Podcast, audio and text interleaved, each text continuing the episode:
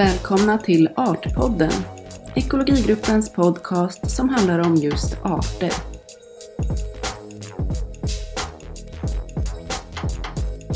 Varför svamp?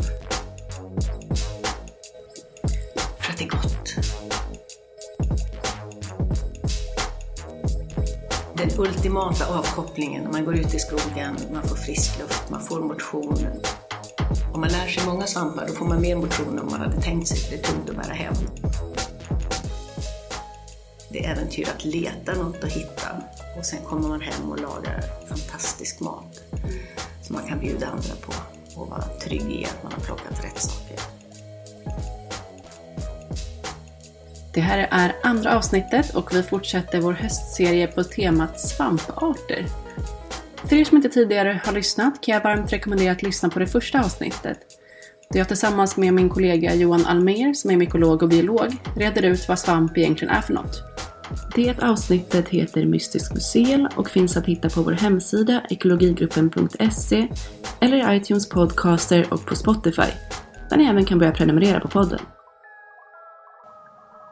I det här avsnittet har jag med mig Johan igen, men också två gäster.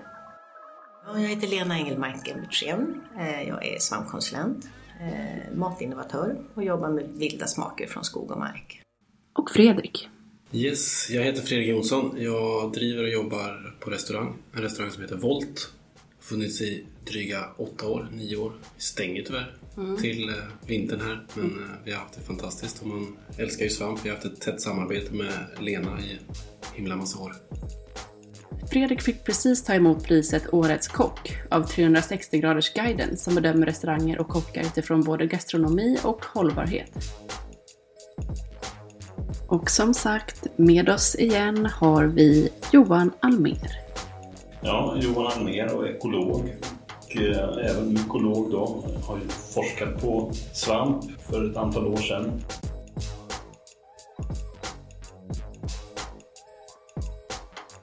Jag startade såklart samtalet med att fråga Lena vilken svamp hon senast levererade till Fredrik.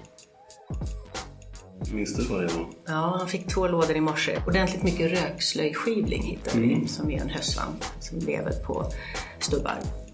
Och sen hittade jag lite allra första vinterskivling. Den som japanerna odlar och säljer som enoki. eh, Men som växer vilt här och är en fantastisk svamp. för Den växer ju även på vintern. Jättetrevliga. Och just att det är fina små runda hattar som man kan ta hattarna. Det blir en väldigt vacker form så. Och jättetrevlig smak på. Eh, Och så var det lite blandat. Trattkantarellerna börjar äntligen komma. Det har ni en låda också. Och sen lite mm, brunsopp. Någon sista efterslänter på granblodriska. Eh, några få gula kantareller. Och så undrar jag såklart hur Fredrik använder det i köket. Vi har det på menyn i dagsläget så har vi det som snacks. Vi gör som en svampkrustad. Då är vi inte så bundna till liksom sorten, om man säger så. Det, vi gör också en buljong som man får som en skogsbuljong tillsammans med den här krustaden. Så vi använder liksom allt på svampen. Så de fina delarna hackar vi upp och gör en som en duxell på tillsammans med timjan och, och vitlök och lök. Och lite Karl Johan-olja i. Och sen så har vi buljongen på allt. Och så är det puts som blir liksom. Så man gör en jättegod skogsbuljong med granolja och granskott och grejer i. Första touchen på menyn kan man säga. Så det är en riktig skogskyss i början. Jag måste också bara lägga till här att Fredrik ju har fått en Michelinstjärna nu fem år i rad. Jajamän. Jag har haft en stjärna i fem år. Och haft och haft. Man får ju den varje år. Så det, man får ju Hålla uppe hålla standarden. uppe standarden. Precis. Jag passar också på att fråga ifall man kan blanda vilken svamp som helst. Ja, det, finns, det beror ju lite på vad man gillar. Jag tycker inte att man ska blanda hejvilt. Såklart, för att det finns ju vissa som inte är så goda. Eller som ändå anses som matsvampar men som har en, kanske en beskare smak eller en, ja, en annan ton. Liksom. I den duxellen så går vi faktiskt på ganska milda svampar. För att man vill ha, liksom, man vill ju att timjanen ska sticka igenom lite. Men man vill ändå ha det här umamiga från svampen. Förr så pratade man gärna om kryddsvampar och matsvampar. Eh, eller blandsvampar och de som inte hade någon smak som stack ut. Och så var sådana här generella tumregelråd att man inte skulle blanda kryddsvamparna. Och det var ju liksom champinjon och och kantareller. Alltså, det är svårt med sådana här allmänna råd. Smaken är som baken. Ja, den är det. Man tycker om olika saker. Och man, en del älskar blåmusseron till exempel. Andra tycker att det smakar som bränt gummi. Ja, är den då god eller inte? Men innan man gör stora blandningar så kanske man ska liksom steka några få av varje och känna Ja. om man tycker att det passar. Precis, det räcker ju bara smörsteka och salta och smaka liksom. Se om man gillar konsistensen. Och visst är det så Fredrik att om man smörsteker så ska man inte bara smörsteka så att det är så här lite slemmigt och gott utan Nej, det måste vara helt det ska bli en yta. Att man börjar helt panna så att man snabbt förväller bort vätskan liksom, innan man går i med smör. För går du i med smör från början då får du ju kokt svamp i slutändan. Då är det svårt att få det krispigt. Och det är stor skillnad på smaken om man steker rätt. Jag vet att jag tyckte att guslämskivling, som det har funnits otroliga mängder i år, och stora exemplar, att det har varit en sån här jättejobbig, tråkig, slemmig sak. Och så blev jag bjuden på en som hade smörstekt så att den var nästan lite knaprig. Och då framträdde den här lite syrliga smaken från citronskivling. Jättegott! Så att eh, det finns inte bara ett sätt att tillaga svamp, utan många sätt. Ja, och har man liksom en varm hylla som vi har i köket så kan man ju lägga den på en bricka uppe ovanför spisen ett tag så att den får liksom torka till lite innan man steker den också. För då slipper man ännu mer vätska i pannan liksom. Bra tips. Det var en bra idé. Det ska jag komma ihåg till nästa gång. Sen har vi ju svampar som faktiskt vinner på att torkas. Som till exempel eh, sandsoppa. Och den smakar lite unket, lite syrligt, jättetråkig. Så man, har- jag har använt den i många, många år som blandsopp. Ja, man, är det dåligt med svamp så alltid hittar man lite sandsopp och så blandar man i med lite annat. Men om du torkar den så är det en helt annan grej. Så det- som svampkonsulenter säger vi att det är den vi rekommenderar istället för mörklor. Och det blir mycket mer umami, den blir liksom kryddig, den blir helt fantastisk. Så den ska man ju inte steka färsk. Jag tycker även Karl Johan framkommer mer när man torkat den. Ja, men det gör det. Den blir annorlunda skulle jag säga. Det blir- Men det smakar mycket Karl Johan, det gör ju såklart. Ja, jo det gör det. Men du får mycket mer av det här umamin. Det, gör ju en, det var ju ett samarbete mellan dig och mig. Den Karl Johan-oljan som är en produkt som jag gör och säljer. Då. Och den gör vi på färsk Karl Johan. Och då blir det en helt annan känsla än om jag hade gjort det på torkad Karl Johan. För den blir, det blir som att dricka den här färska doften. Ja, den smakar färsk Karl Johan. Det är Ja. helt otroligt. Hur gör ni den? Hemligt.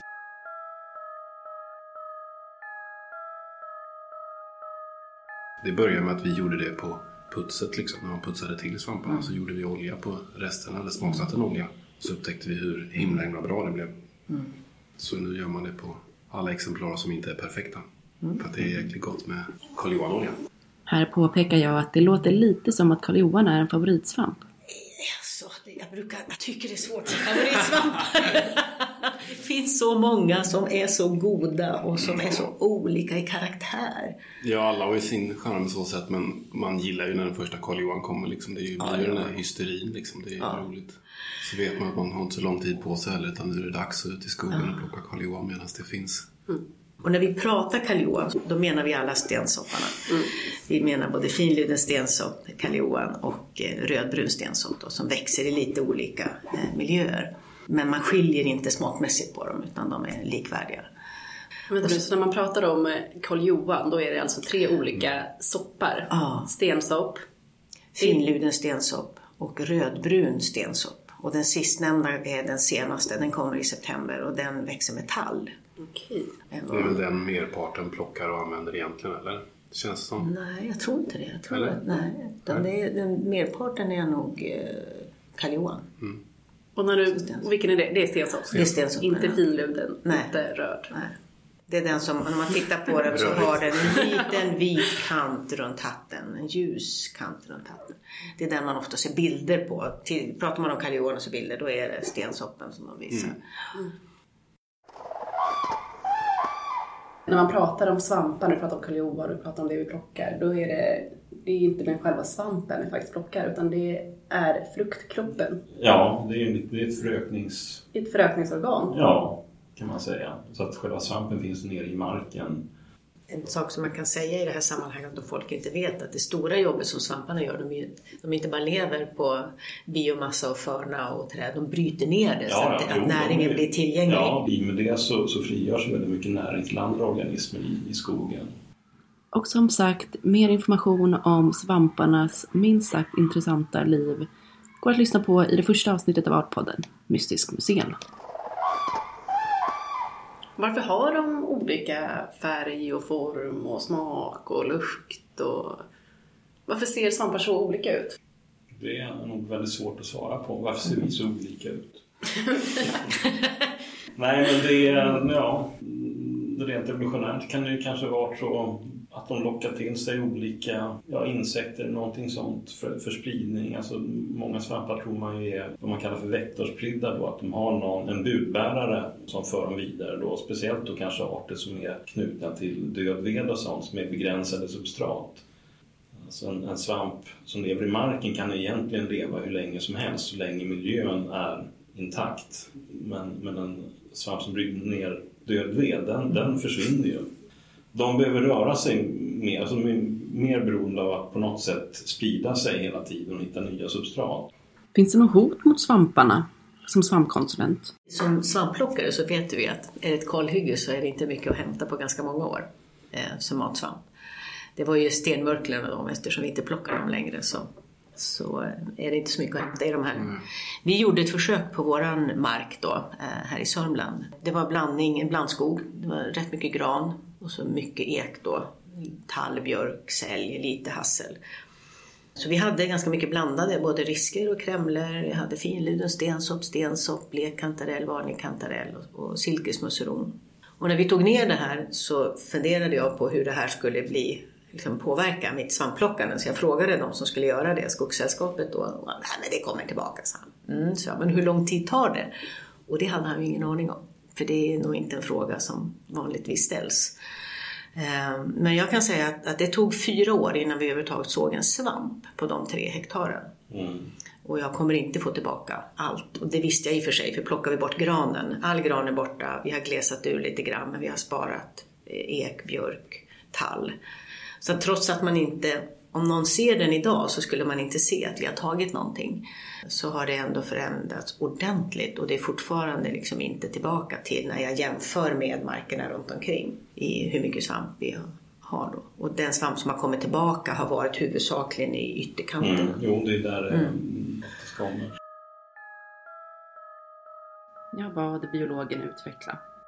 Just med hyggen och avverkning så är det framförallt de mykorrhizasvamparna som påverkas negativt. Det är då svampar som lever i symbios med, med träden. Tar och ger näring? Ja, tar och ger näring. Rotsystemen blir helt enkelt utvidgade för träden kan man säga. De, de får ett mycket fin, mer finmaskigt eh, upptagningssystem. Träden klarar sig inte utan mykorrhiza. Svampen kan ju inte tillverka eget socker. Så att de, eh, de byter. När man då avverkar så försvinner ju, alltså de här mykorrhizasvamparna dör ju och eh, reduceras enormt i, i biomassa och det tar ju lång tid att bygga upp ett sådant nätverk igen så att man kan producera fruktkroppar då.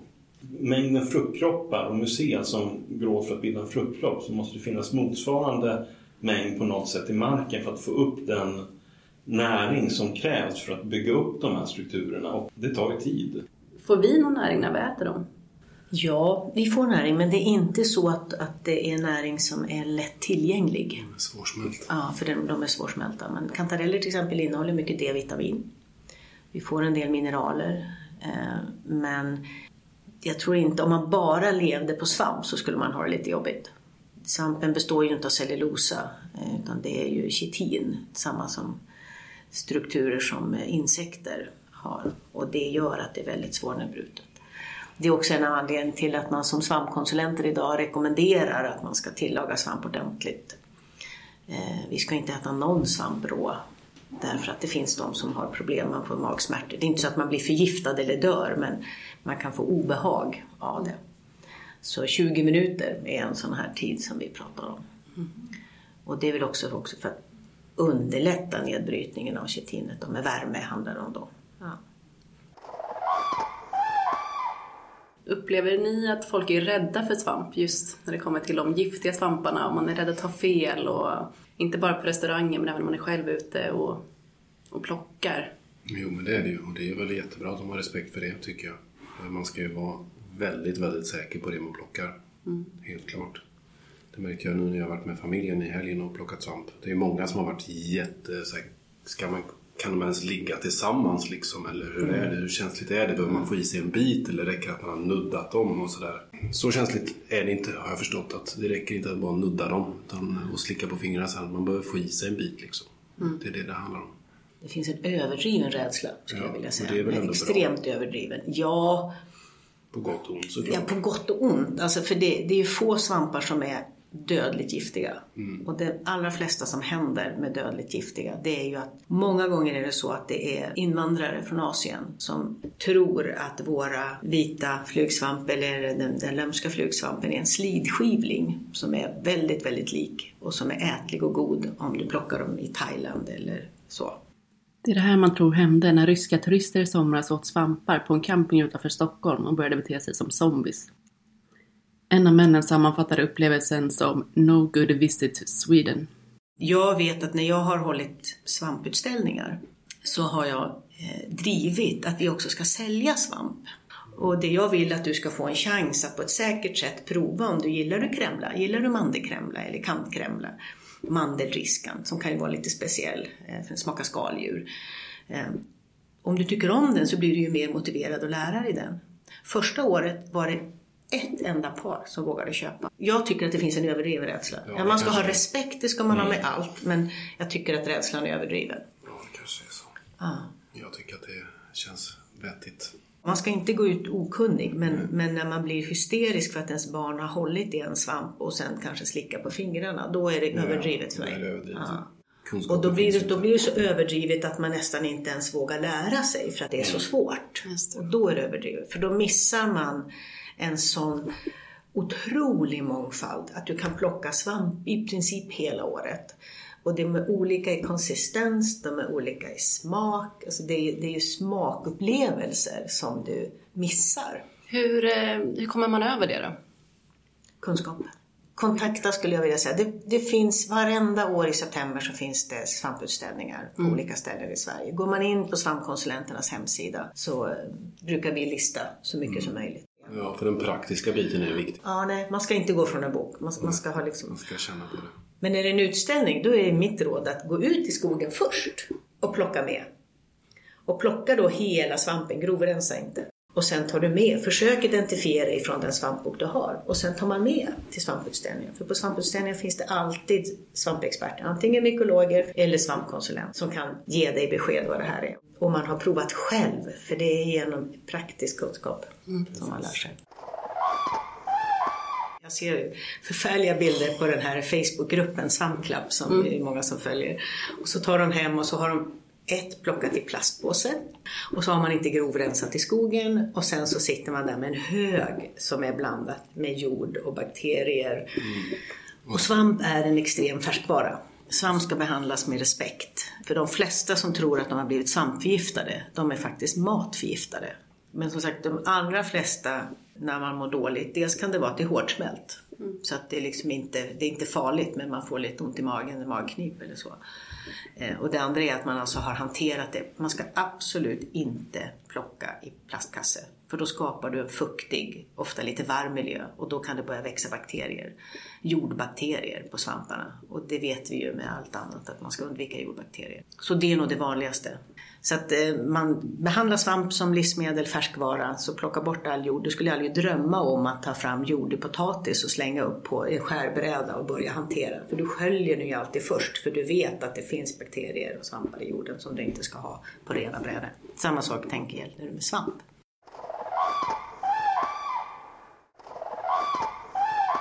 Men nu är det oktober och du sa precis att man kan plocka svamp året runt. Nu känns det som att många tror att svampsäsongen är på gång att ta slut. Kanske redan har tröttnat vissa för att man då också bara hållit sig till samma svamp. Kantarell kanske vanligast. På vilket sätt fortsätter svampsäsongen? Vad har vi framför oss? Och hur håller man liksom modet uppe att fortsätta leta svamp när det blir som kallast och mörkast? Jag skulle säga att men det är inte mod man behöver, det är nyfikenhet. för att leta svamp. De som kommer nu, dels är det ju rökslöjskivlingen. Det är dock icke en nybörjarsvamp, eh, ska jag tillägga. För att den har en förväxlingsart då? Ja, är- den har förväxlingsarter. De här stubbsvamparna, det finns många små bruna stubbsvampar. Så att den ska man ta med sig någon som kan identifiera den. Men den är jättetrevlig som svamp.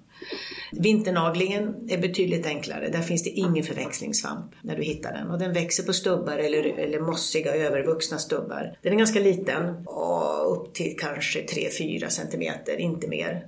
Den är lite slemmig, ljusbrun, kan vara lite varierande färg på den ut mot kanterna. Är det här Men- samma som vinterskivlingen? Förlåt. Ja, det är vinterskivling. Okej. Mm. Så har vi vinternagelskivling nu. Vi lägger upp en bild på Instagram tycker jag om Ja, om det, vinterskivlingen. det ska ni göra. Ja.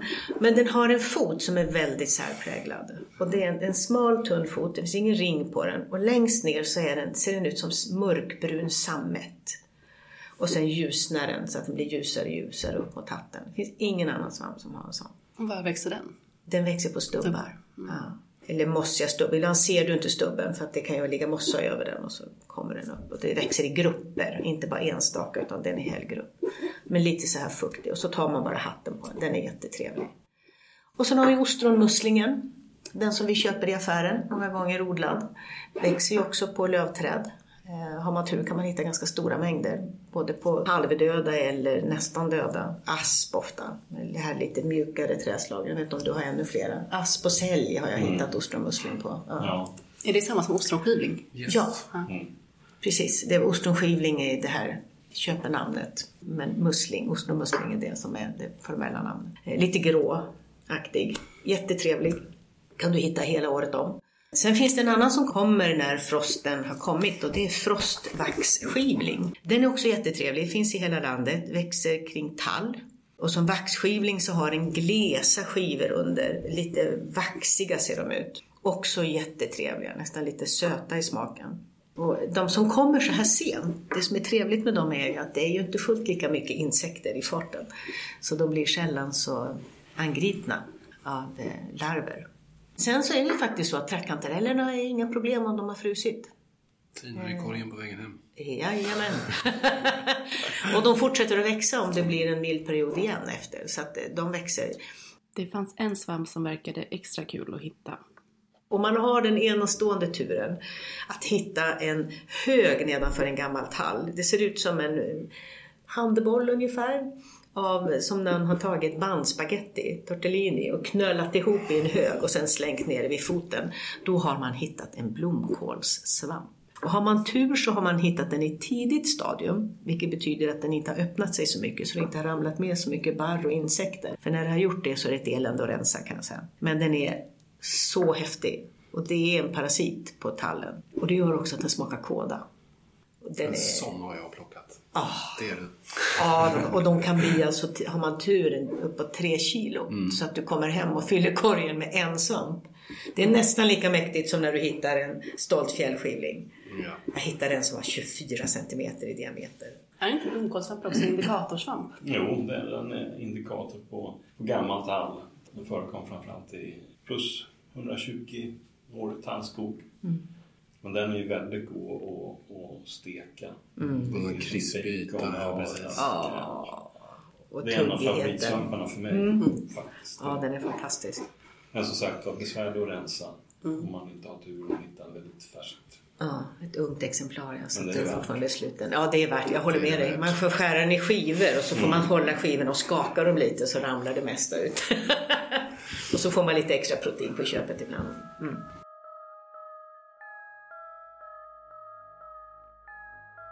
Fredrik, är det någon speciell du ser fram emot att tillaga? Alltså man, man, jag gillar ju de där klassikerna. Det har man ju varit uppvuxen på nästan kan man väl säga. Men eh, det är ju väldigt roligt att bli försedd med nya sorter här med jämna mellanrum. Vi stötte ju på en svamp, är det två år sedan, den här beska lökbroskingen som är en aha-upplevelse utan dess like. Den smakar nästan mer vitlök än vad vitlök gör. Okej. Det är ganska galet. Det luktar vitlök när man Och går den är ju svår att förväxla också när man väl plockar. Det är ju ingen korgfyllare direkt. Nej. Men eh, den, det går ju inte att plocka fel för den, det luktar ju ramslök och stinker i, om, den, om den nästan. Liksom. Och den var väldigt kul. Det trodde man inte fanns. Nej, det var en nyhet för Mm. mig också. Och jag har ju inte testat de här skaldjurssvamparna som alla pratar om. Nu ska jag få uppskickat från eh, Malin faktiskt. Ja, mandelriska. Ja, jajamän. Vi har inte hittat någon på tre år. Så jag det älskar ska- mandelriska. Det blir fantastiskt nu när vi går in i skaldjurssäsongen. Ja, att man kan liksom perfekt. erbjuda skaldjurssmak till folk som inte kan äta skaldjur. Mm. Så det ska bli en rolig twist. Vi ska se hur det blir. Mm, och den är påtaglig. Och det är en sån där, jag vet att Pelle Holmberg brukade säga det att, att det är den svampen som man oftast hittar liggande vid eh, parkeringsplatser för folk har liksom slängt den ur korgen. För de plockar den och så är de övertygade om att det här är liksom mandelriska. Det är en stor, ganska fast, vacker svamp med ljusbrun, knäckbrun. Och bryter man i den så kommer det rikligt med vit saft så det, och det doftar liksom om den. Och så får den ligga ett tag. Och då har den här vita saften, eller vätskan då, som kommer ut, den har börjat oxideras så den ser lite brun ut. Så nu börjar den se lite så här halvfräsch ut. Och den kan lukta ganska intensivt mycket. Och man tänker inte på skaldjur det första man gör, utan man känner att den här luktar och så ser den brun ut. Nej, det här var nog fel. Och så hivar de den.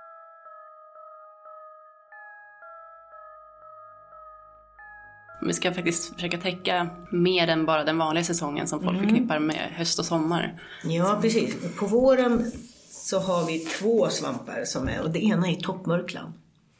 Som är inte som, smakar inte som stenmörklan, men det är en väldigt vacker svamp. Den är trevlig textur, den är trevlig att tugga på och så. Och den har ju inte det här gyrometrinet, giftet, som stenmörklan har.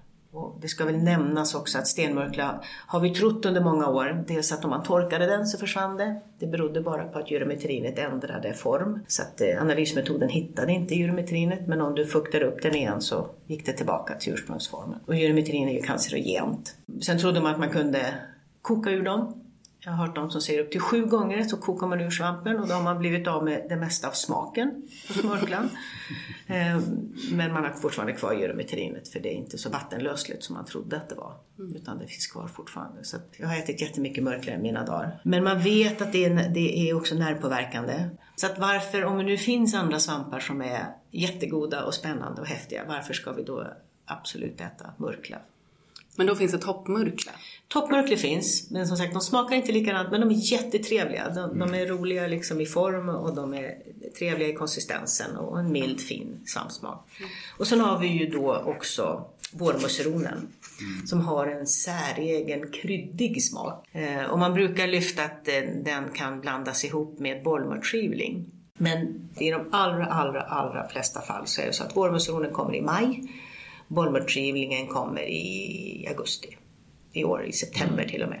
Det, det ska inte vara någon, någonting man behöver vara rädd för. Jag hade ju den stora äran att få träffa Nils Suber, en av nestorerna inom mykologin, när han var 94 år. När jag hade flyttat till Stockholm och börjat plugga eh, så hade han en föreläsningsserie men han berättar om hur de här, han och hans kollega Cortin, eh, som skrev svampböcker, eh, gjorde när de skulle avgöra då i början av 1900-talet, där på 20-30-talet, om svamparna var äckliga eller inte. Utan de provade ju. Och Cortin hade ju mycket riktigt ätit 200 gram bollmörtsskivling. Men man testar inte lite han och skred, ja nu börjar jag må lite och dåligt i magen. Och till slut hade han ju tuppat av då och säkert magpumpades. Så att även om du får i dig lite bollmörtsskivling så är det liksom inte dödligt giftig. Okay. Men vårmusseronen är värd det. Det är också en väldigt speciell.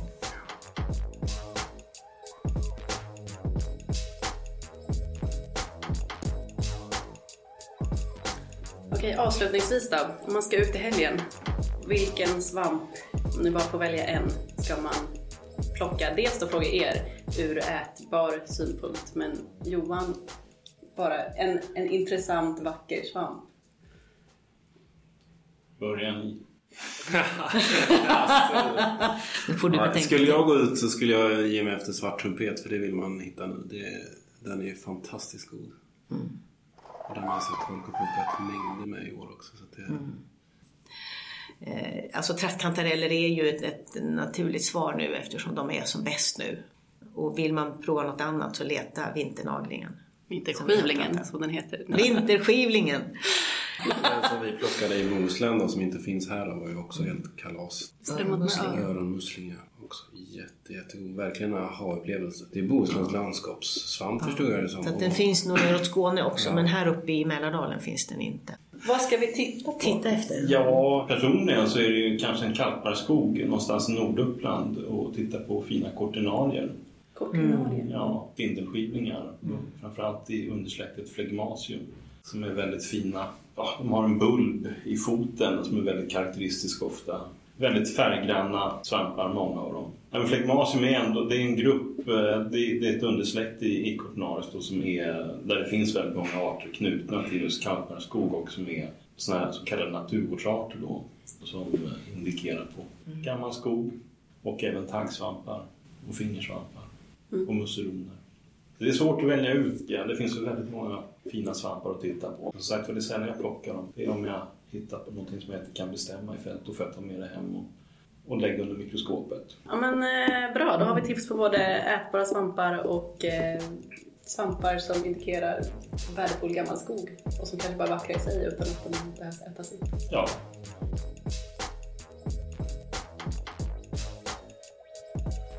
Tack för att ni har lyssnat på det andra avsnittet av Artpodden. Och tack igen till Olof Olterman som har stått för musiken. Nästa avsnitt kommer om ett par veckor och det kommer att handla om tryffelsvamp som är i högsäsong just nu. Hoppas att ni lyssnar då med. Hejdå!